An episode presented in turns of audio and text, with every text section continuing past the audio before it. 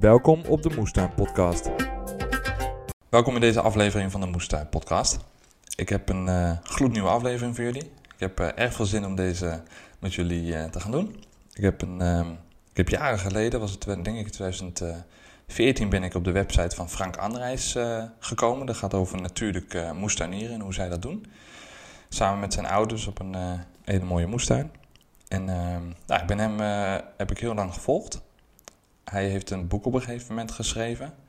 Daar heb ik uh, op ingeschreven en die heb ik toen, uh, toen hij het boek uitbracht, heb ik hem eigenlijk meteen, uh, meteen gekocht.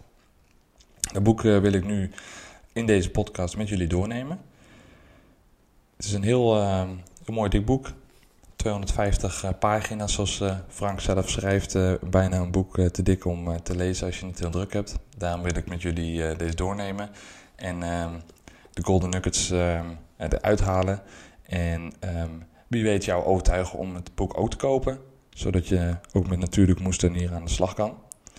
Ehm, even een disclaimertje. Ik heb een tijdje dit systeem wat hij gebruikt uh, geprobeerd. Dat zal ik zo wel uitleggen.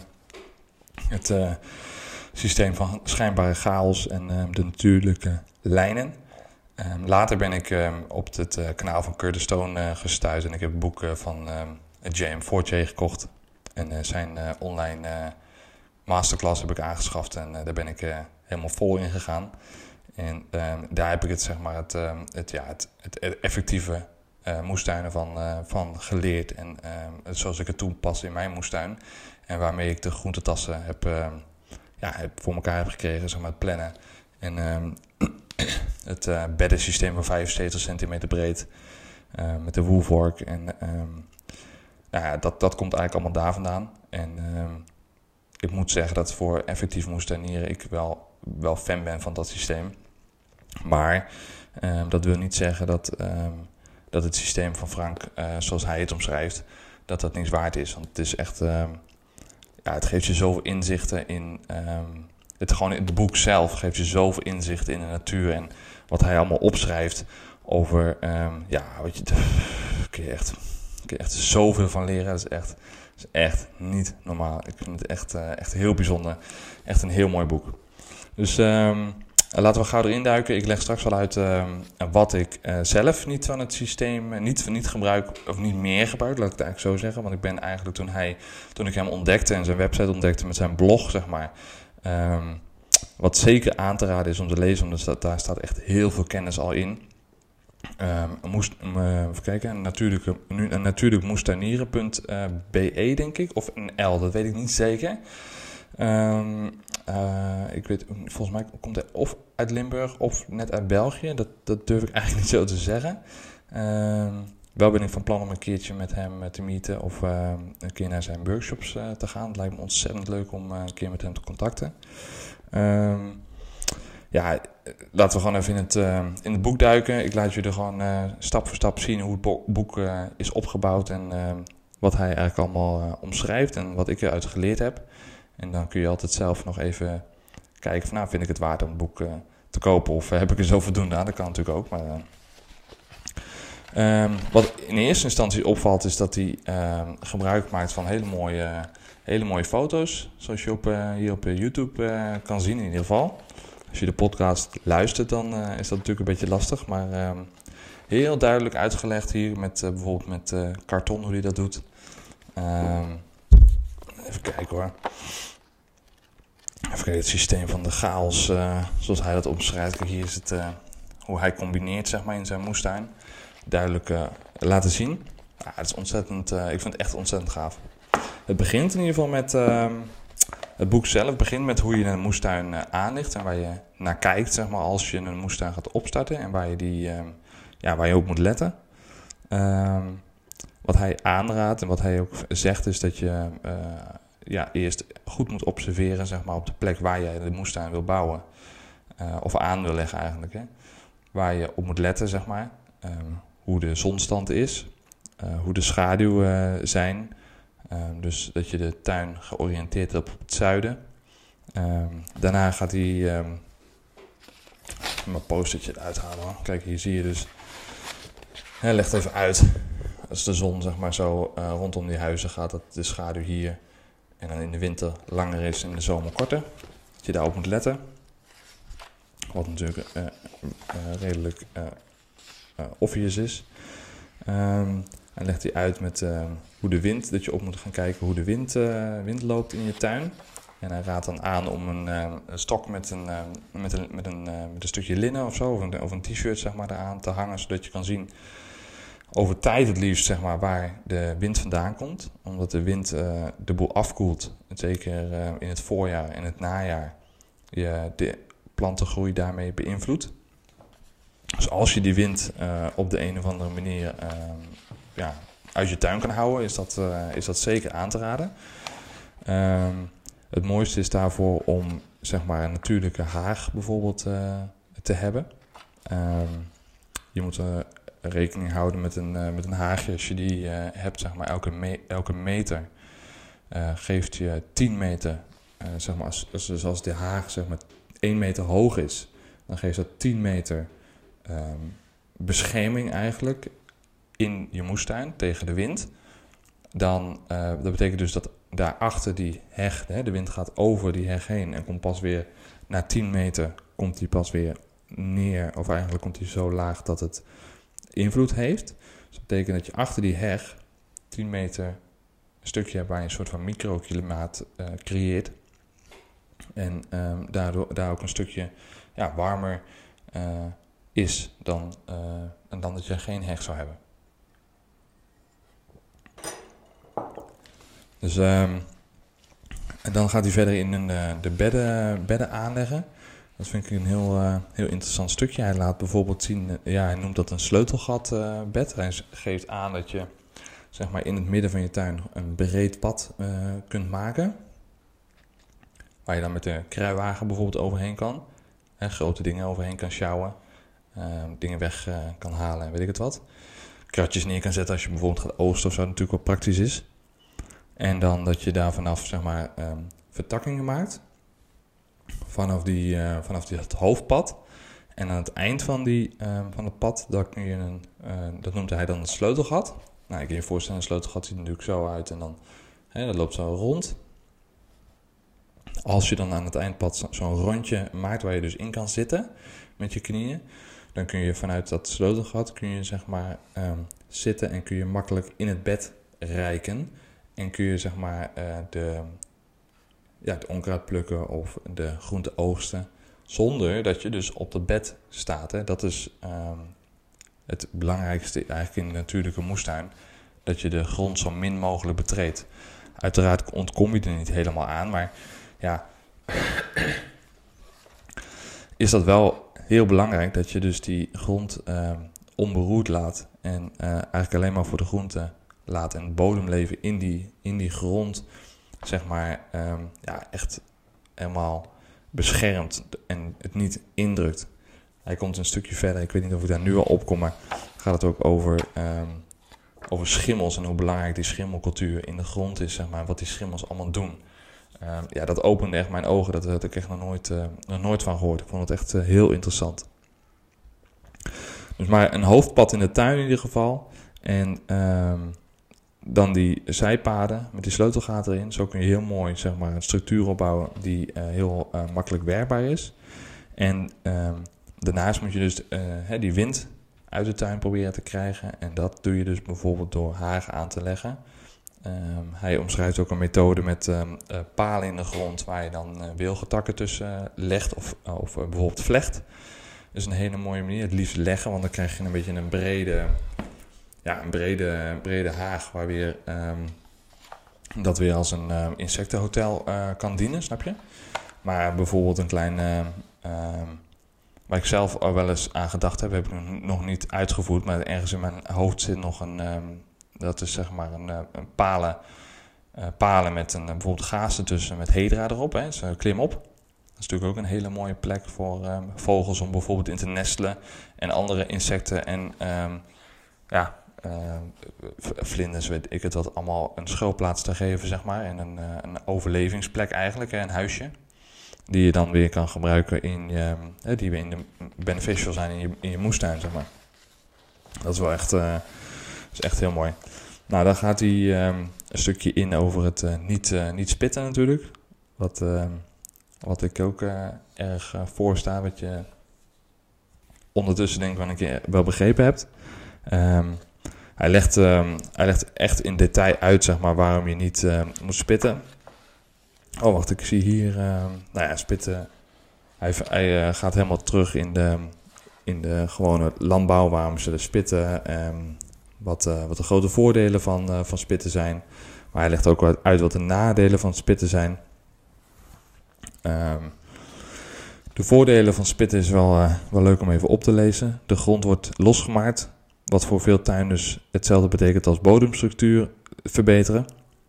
Tegelijkertijd werkt het als een soort onkruidbestrijding. Alle aanwezige onkruiden worden ondergewerkt en tijdelijk, zeg hij, tijdelijk natuurlijk zijn die verdwenen de grond, eh, doordat je de grond openbreekt bij het spitten, komt er organisch materiaal beschikbaar voor, de bodem, voor het bodemleven, wat samen met een toevloed aan zuurstof zorgt ervoor dat er veel extra voedingsstoffen vrijkomen die op hun beurt een verbeterende groei opleveren. Dus dat zijn op de, moment, de, de voordelen van het spitten, maar zoals je al leest en hoort, is het allemaal vrij um, ja, op dat moment, snap je? Um, dat legt hij iets verder op, volgens mij ook in een, um, in een grafiekje legt hij dat uit. Even kijken of ik dat kan vinden hoor. Hij uh, laat dan een grafiekje zien. Uh, oh, dat was met compost volgens mij. Nou, in ieder geval, die, um, doordat je spit, zeg maar, ja, omschrijft het als de extra zuurstof komt in de grond en het organisch materiaal komt beschikbaar voor de bodem. Maar dat is allemaal in een hele korte tijd. En het is zelfs de tijd dat je groenten nog niet volgroeid zijn en ook nog helemaal niet eigenlijk in de tuin staan, zeg maar. Als je gaat spitten in het voorjaar bijvoorbeeld, dan staan die uh, groenten staan nog helemaal niet in. En omdat je gespit hebt en uh, de grond daarna niet bedekt, dan uh, komt er bijvoorbeeld regen of wind. En de wind ehm, die, die ehm, put de grond uit omdat ehm, het corrodeert. En de regen die slaat de grond bijvoorbeeld dicht waardoor je uh, de bodemstructuur helemaal niet verbetert. Dus ja, je doet een bewerking van de grond helemaal niet op het goede moment. Um, dus, uh, en je geeft daarna, geef als je dat hebt gedaan, uh, geef je dus de, de grond de kans om slechter te worden eigenlijk. Dus daarom wordt er dus aangeraden om niet te spitten en die grond dan te bedekken. Want dan kan het bodemleven wat in de grond zit die zorgt wel voor die losse bodemstructuur. En, uh, en zal de grond over tijd zal alleen maar verbeteren.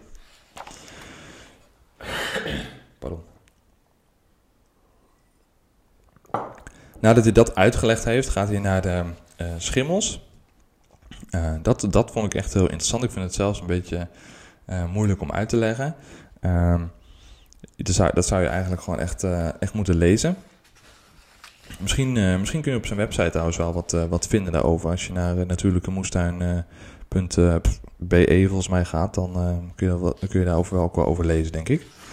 Um, nou, um, hij noemt een paar voorbeelden, zeg maar, van waarom een slechte, problemen, slechte bodem problemen oplevert. hij noemt hier de aaltjes. Nemen we het voorbeeld van de aaltjes Hiervan zijn er zo'n 25.000 soorten. Het overgrote deel is goed aardig en helpt ons in de tuin. Slechts enkele vreten aan onze planten. En deze enkele worden sterk bevoordeeld in een slechte bodem. Deze schadelijke aaltjes zijn de kleinste van allemaal en kunnen zich gemakkelijk door de bodem met een slechte structuur bewegen. Het zijn de grote aaltjes die hun kleine neefjes opeten en zo deze plaagorganismen in toom houden.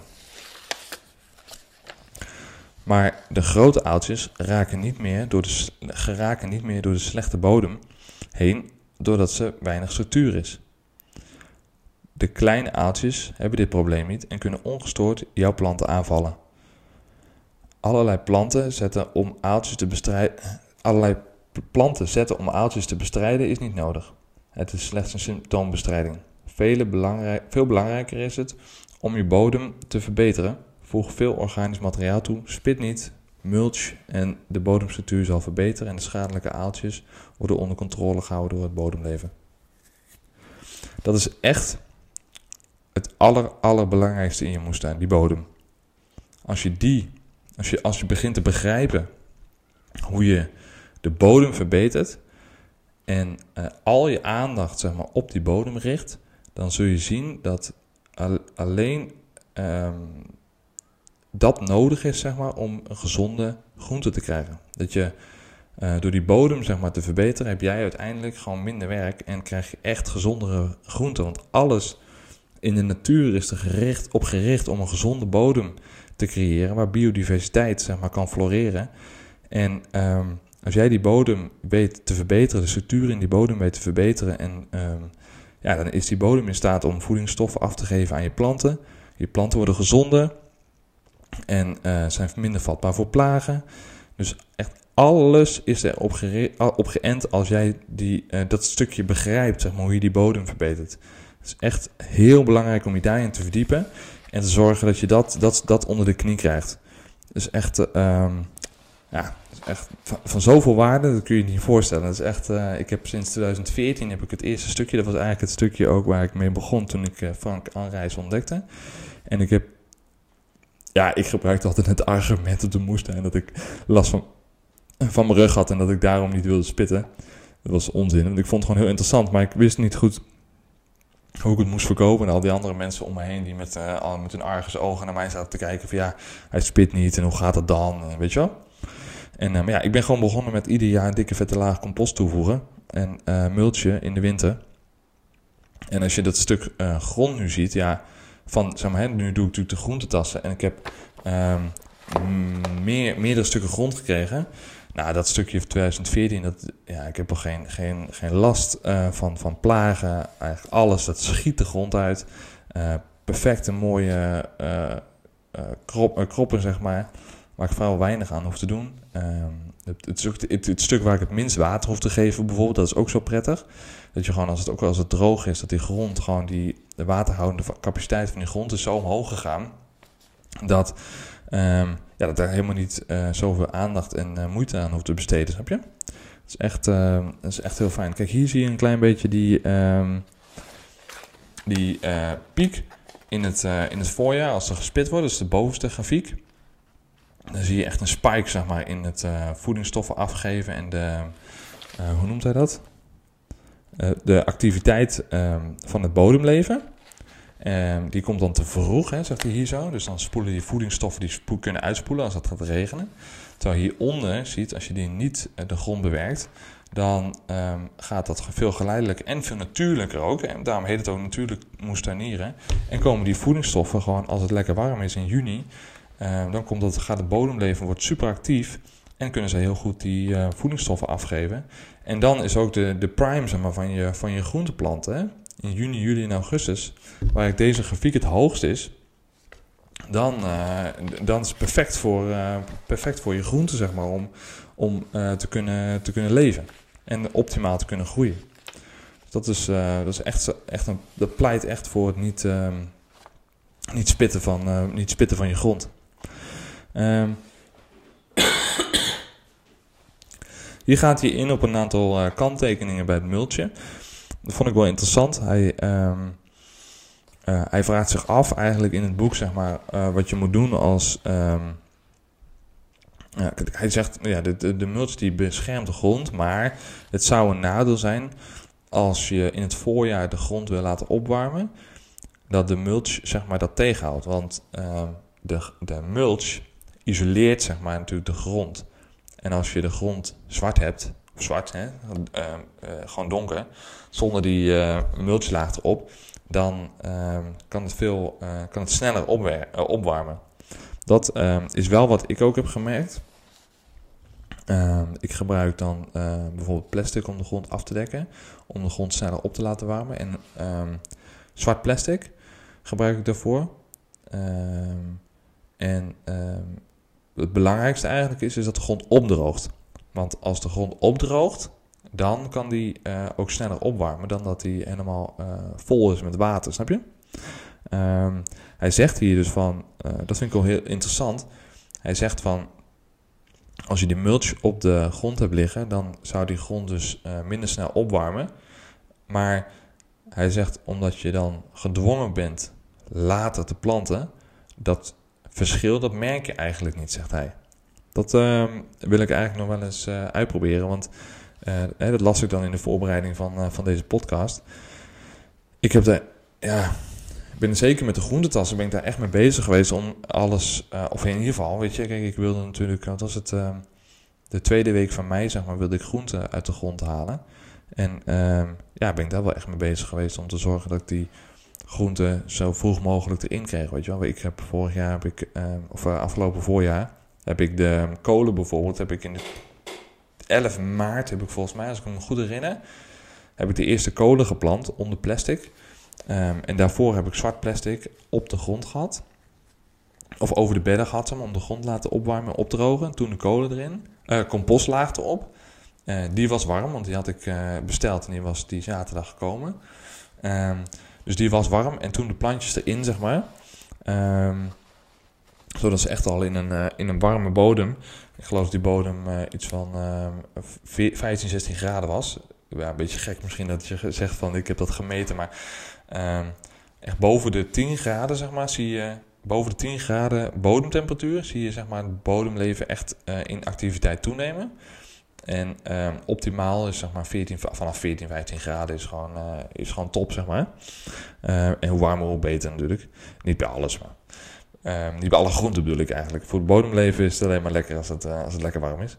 Um, dus vanaf 14, 15 graden is dat beter. Maar omdat je dus die, um, die grond bedekt, is het, ligt echt gewoon een isolatielaag op de, op de grond, waardoor die gewoon minder snel opwarmt. En um, hij zegt dus dat, het, um, dat dat dus niet uit zou maken, dat je prima later kan planten, omdat als die bodem maar gezond is, de snelheid van groeien, zeg maar, dat dat um, ja, prima dat het te verwaarlozen is eigenlijk met het, het late moment van, van planten, als je begrijpt wat ik bedoel. Dus dat, uh, dat vond ik wel... Uh, ja, dat vond ik wel interessant. Ik vond het wel, uh, dacht, hey, dat is iets om, om voor volgend jaar om in de gaten te houden. En eens naar te kijken of ik... Uh, ik heb nu heel veel bedden, heb ik natuurlijk gewoon gemulcht nu. Dus met blad en karton en zo. Dus ja, ga ik eens even proberen. Een aantal bedden om te kijken van um, hoe, dat, uh, hoe dat dan gaat. En of daar verschil tussen zit. Weet je, ik ga gewoon uh, twee bedden met, uh, met bloemkool zetten. Eentje die, uh, die ik uh, heb op laten warmen met, uh, met uh, plastic lekker vroeg. Weer, begin maart. En het andere uh, met de kolen, die gaan gewoon in zo'n gemultsbed. gaan ze dan uh, ja, uh, eind maart of zo, begin, begin april erin. Dus en dan dus op en zien hoe dat, hoe dat verschilt. Ik ben heel benieuwd. Um, de randen gebruiken in de tuin gaat hij op in. Uh, dat is ook echt een, uh, echt een leuk, uh, leuk hoofdstuk. Het hele natuurlijke in de tuin brengen. Wat ook meteen eigenlijk aansluit bij zijn, bij zijn, bij zijn methode. De kruiden die je kan gebruiken in de tuin. Staat hier wat, wat de voordelen zijn van verschillende kruiden. Hij is heel erg fan van smeerwortel. Um, die um, kunnen aan de zijkant uh, van de tuin staan en uh, die leveren een hele goede een natuurlijke barrière eigenlijk op voor indringend onkruid, zoals kweekgras en andere, andere of, brandnetel en andere dingen. Daar zijn heel erg fan van, heb ik gelezen in het, in het boek. Nou ja, je leest er eens over en doe je voordeel ermee. Kom ik bij hoofdstuk 5 en dat is schijnbare chaos. Dat is uh, het, uh, eigenlijk de methode die hij uh, vooral toepast in zijn eigen tuin. En ja, dat is wel een hele interessante methode. Dat was, ik had er in ieder geval, ja, toen zeker niet, maar ik heb het ook nooit ergens anders ben ik het tegengekomen. Ik denk dat je in, in permacultuur het wel meer zult zien. Maar dan moet ik zeggen dat ik me daar nog niet echt in verdiept heb. Mm. Hij um, laat zien dat uh, je ziet op internet zie je best wel veel van die, um, van die tabellen, zeg maar, met um, goede buren. Heb je, heb vast wel eens gezien van uh, wortels met uien, dat is natuurlijk een van de, van de bekendste. maar zo heb je hele, hele lijsten met, met goede buren en waarom die dan zeg maar goed bij elkaar passen, wat ze goed doen voor elkaar en niet doen. Uh, ja, daar zal zeker wel waarheid in zitten. Ik heb niet, um, zo gezegd, niet uh, daar hele goede ervaringen mee. Uh, dat komt meer omdat ik de ja, praktisch wil hebben. Als je iedere week vijf verschillende groenten op moet leveren voor een groentetas, dan um, is het gewoon echt niet handig als je. En, je moet het, het, bed weer opnieuw inplanten, omdat je weet van hé, hey, over, over zes weken moet ik weer iets nieuws hebben. Dan is het echt niet handig als je in één bed dingen hebt gecombineerd. En um, ja, dus dat bed niet direct daarna kan bewerken, omdat niet alle groenten natuurlijk tegelijk klaar zijn. Snap je? Dus dan blijft er weer wat achter. Dan moet je dat laten oogsten. Dus dan heb je minder, effect, effect, eh, is minder effectief natuurlijk. Want je wil eigenlijk gewoon het bed in één keer kunnen oogsten en alles uh, hebben. Snap je? Dus dat, uh, dat, dat ja, schiet gewoon voor mij niet echt op, zeg maar, in het, in het moestuin, moestuin zoals ik hem nu heb. Maar ik denk wel, als je meer richting een hobbytuin uh, gaat, is het zeker interessant om naar te kijken. En te kijken of je daar baat bij hebt. Um, wat Frank doet in zijn systeem, dat is, is eigenlijk um, wel interessanter. Ik vond het, uh, ja, ik vond het wel mooi om te lezen. Hij probeert, of hij, eigenlijk probeert hij de natuur, zeg maar, echt helemaal in de tuin te halen. Zeg maar. hij, hij, hij, kijkt echt naar van, oké, wat, wat gebeurt er nou in de, in de natuur? En, en, en dat heeft hij echt geadopteerd. In de natuur zie je natuurlijk geen Um, uh, mooie coniveerhagen en uh, beukenhaagjes. Uh, snap je? dat is misschien een beetje overdreven, maar um, dan zie je niet allemaal um, dezelfde planten op een rijtje. En daar een rijtje van dit en daar een rijtje van dat, snap je? nee, de natuur is natuurlijk gebaat op biodiversiteit. Alles door elkaar heen en, en zo bij elkaar gebracht. En geoptimaliseerd, zeg maar, dat het gewoon een heel uh, weerbaar systeem is. Hè? Wat de natuur is natuurlijk op geënt om zichzelf niet te laten uitroeien. Nee, de natuur is alles bij gebaat om te blijven bestaan, snap je? Dat uh, wil, wil niet dat, dat de planten ziek worden. Ze willen niet dat, dat, dat, ehm, dat ja, natuur is om over te overleven, snap je? Als, als daar zwakke planten tussen staan, dan ruimt de natuur die zelf op om zichzelf altijd te verbeteren. Altijd weer um, ja, uh, meer weerbaar te worden tegen aanvallen van ons, mensen. Uh, de, de, de natuur, branden, overstromingen, weet ik het wat. Dus um, daar heeft Frank heel erg naar gekeken. Hij uh, hij probeert dus die, die natuur te imiteren. En um, dat doet hij door, door bijvoorbeeld te combineren in de zin van niet dingen van hetzelfde bij elkaar te zetten, maar juist, juist zeg maar te contrasteren. Snap je? ik zal het even oplezen zoals hij dat het opschrijft. Hij, hij, hij selecteert zeg maar op kleur van het blad, de geur van de plant, de plantvorm en structuur en de ruimte die de plant inneemt. En daarmee, als een plant zo groot is, zit daar natuurlijk een groter wortelgestel onder dan een plant die kleiner is. En sommige planten hebben een oppervlakkig wortelstel wat meer uh, naar buiten toe gaat, zeg maar. En wortelgewassen, die, eh, en bijvoorbeeld spinazie, die schieten uh, veel meer naar beneden toe. En als je nou weet hoe die wortelgestellen eruit zien van de verschillende planten, dan kun je ook voor zorgen dat die um, ja, als je een, een, een, plant met een wortel die diep naar beneden schiet, naast een plant zet die wat breder uitwaait, dan kunnen die heel goed samenkomen, samenstaan, omdat die wortelgestellen uh, elkaar niet in de weg zitten. En uh, ze op een verschillend niveau de voedingsstoffen uit de grond halen. Dus ze, ze, ze zijn niet met elkaar in strijd, snap je? Um, dus dat is, uh, dat, dat is wel echt heel interessant om te zien. Um, ik laat nog even die plaatjes zien van de, van de foto's. Kijk, hier oh, zie je dus een voorbeeld van die uh, planten. Groene, rode bladeren naast elkaar, verschillende planten. Je ziet, de bodem is overal bedekt. En je ziet dus dat, dat dit is echt een berm, zeg maar, zoals je kan zien langs, uh, langs de weg. Hè? Gewoon helemaal, of in, bijvoorbeeld in de randen in het bos, snap je? Dus hij zegt, er zit in de natuur zit er geen rechte lijn. Niet zoals die coniferhagen en die beukenhagen zoals ik je net uh, omschrijf. Dus uh, wat hij heeft gedaan is in zijn bedden Het zijn allemaal kromme lijnen. Dus de planten die staan allemaal op een soort van golven in het bed. die je kunt drie of vier golven naast elkaar hebben in een bed. En in die holtes van de golven, die plaatjes kun je even opzoeken op internet. Als je de podcast luistert, hier op YouTube laat ik het zien. Ehm, in die holtes kun je weer zeg maar ehm, andere planten zetten. Dus als je bijvoorbeeld drie rijen met boontjes hebt staan, dan zet je in die holtes nog wat kroppen sla bijvoorbeeld van een andere kleur. Heb je?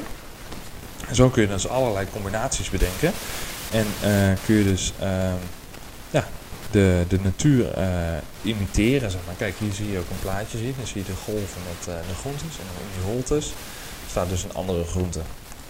Dus um, nou, zoals ik al zei, ik heb het systeem heb ik een tijdje geprobeerd. Ik zal eventjes zo meteen in YouTube even kijken of ik een foto kan, erin kan zetten van wat ik toen heb gedaan. Maar um, ik moet zeggen dat het, um, ja, het systeem van James Fortje met de 75 um, centimeter bedden maar gewoon beter bevalt. Nou, dan gaat hij nog een heel hoofdstuk in over bemesten en uh, waar ik het ook al eerder over heb gehad hoe waardevol dat is. En um, ja, zij mesten echt wel hoofdzakelijk met lavameel. Dat is super interessant om te zien. Uh, dan gaat hij een stukje in over compost. Hoe je goede compost uh, kan onderscheiden. Super interessant. Ehm, hoe, kan je de, hoe kan je weten dat je compost goed is? is super mooi. Heb je, hij zegt dus pak een, pak een kiemschaaltje. Doe daar de compost in. Leg daar tuinkerszaadjes bijvoorbeeld op. En um, als die uh, met een paar dagen gekiemd zijn, is je compost prima. Want compost, als die heet van de, van de, van het bedrijf komt, zeg maar, waar je het vandaan koopt, um, daar komt van een grote bult en is het gewoon warm. Dan uh, dat moet eigenlijk nog een beetje, ja, er zit zoveel stikstof in, in dat, dat die verwerking, zeg maar, in de stikstof zijn, die, die compost die zit nog niet in de laatste fase, die zit nog in de fase daarvoor, zeg maar, dat het uh, nog bezig is om te verteren. En uh, als het nog niet in die laatste fase zit, dan uh, is het gewoon niet zo goed voor je planten. En dan brandt het eigenlijk in je planten. En dan gaan je planten en ook je zaden bijvoorbeeld, die verbranden eigenlijk gewoon. Dus je moet die compost moet je de tijd geven om naar die laatste fase toe te gaan. En als het die laatste fase bereikt heeft, daarin uh, is het afgekoeld. Het is gewoon uh, echt gereed om voedingsstoffen af te gaan geven. En uh, dat kun je dus checken met die, met die kiemtest van de tuinkers, tuinkersjes. Dat is, dat is echt leuk. Het laatste hoofdstuk um, is heel leuk. Het gaat over, hij, zegt dat, hij noemt dat de juiste ingesteldheid. Ik vind het een hele leuke Belgisch-achtige spreuk, maar um, um, hij vergelijkt het met de Matrix. Ik weet niet of je het film hebt gezien, maar gaat Neo die net moet op een gegeven moment kiezen of hij de blauwe of rode pil neemt. Nou, zover zou ik zeggen, hoeft het niet te gaan. Maar hij, hij laat wel zien dat het, um, het natuurlijke moestanieren is zeker, het begint tegenwoordig volgens mij een beetje meer normaal te worden. Maar het is zeker um, nog niet voor iedereen. En um, ja, als je daarmee begint met het natuurlijk moestanieren, veel je bodem bedekken. Ja, dus, die, die, ik ontmoet nu op, op Instagram ontmoet ik gelukkig een mensen die heel enthousiast daarvan zijn. Maar ik moet zeggen dat in 2014, wat ik al zei met het net van het niet spitten. Hè, ik had in, uh, in 2014 had ik ook echt uh, ja, daar last van. Ik, zoals ik net omschreef met die uh, de, met niet spitten. Dan zei ik maar dat ik pijn in mijn rug had en namelijk een manier had bedacht om niet te hoeven spitten. Dat is natuurlijk onzin. Maar um, ja, ik vond het wel een beetje spannend om tegen andere mensen te vertellen dat ik het echt anders deed. Weet je. En dat omschrijft hij ook erg in dit hoofdstuk. Vind ik wel heel uh, goed dat hij dat ook opgenomen heeft in het boek. Um, dat, je, ja, dat het gewoon echt anders is om op die manier te tuinen. En je zult ook zeker tegenslagen tegenkomen. Ja, dat heb je in natu- na, na, na, normale gangbare tuinieren heb je natuurlijk ook. Dus het gaat ook echt om een stukje uh, volharden, zeg maar, een beetje doorzetten. En um, hij schrijft hier zo heel mooi, iedere jongeleur begint met drie ballen. Je kunt niet in één keer uh, vijf ballen in de lucht houden, dus begin klein. neem desnoods maar een deel van je moestuin, zeg maar, uh, dat je daar veel gaat mulchen en het op een natuurlijke manier gaat doen. Um, of begin gewoon met een kleinere moestuin. En, en, en, onderzoek wat jij nodig hebt om, om zo natuurlijk mogelijk te werken. Snap je? Um, dus je kunt heel veel voor, voor, hooipje vork nemen en alles tegelijk willen doen. Maar dat, Nee, dat, dat schiet gewoon niet op, weet je. Dus wees, wees, daar, wees je daarvan bewust. En wees je ook van bewust als je bijvoorbeeld op een volkstuinencomplex uh, aan het werk bent, dat andere mensen uh, daar toch op zullen reageren, hoe jij het dan doet. Als je het op een andere manier, op een natuurlijke manier wil doen, dan uh, zul je daar ongetwijfeld opmerkingen gaan over gaan krijgen. Dus uh, wees daarop voorbereid. En ga niet de wijskeer uithangen dat je het beter weet. Nee, daarom omschrijf ik ook altijd dat er ook voordelen zitten aan spitten. 100%. Alleen wij doen het gewoon op een andere manier. En wij hebben gewoon op de lange termijn voordelen. En als je dat rustig aan mensen uit kan leggen, en niet alleen maar van dit is goed en ik spit niet en dit is wat ik, dit is wat ik je aanraad, dit moet je doen. Moet... Heb je dat schiet natuurlijk, is natuurlijk averechts, averechtse werking. Dus ehm, behandel de mensen altijd met respect als ze met opmerkingen komen. En ehm, ja, leg ze gewoon uit waarom, je, waarom jij het op deze manier wilt doen. En ehm, dat je, ja, het belangrijkste is eigenlijk dat je gewoon zoveel mogelijk met de natuur wil samenwerken. En dan zullen ze dat uiteindelijk wel begrijpen, denk ik. Dus de natuurlijke moestuin van uh, Frank Andrijs. Zeven stappen naar een natuurlijke moestuin. Echt een aanrader. Ontzettend leuk boek. Uh, koop het als je het leuk vindt om te lezen met de feestdagen. En dan, uh, als je er nog vragen over hebt, dan uh, weet je me wat te vinden. Ehm, ik ehm, ga er vandoor. Tot de volgende keer. Later.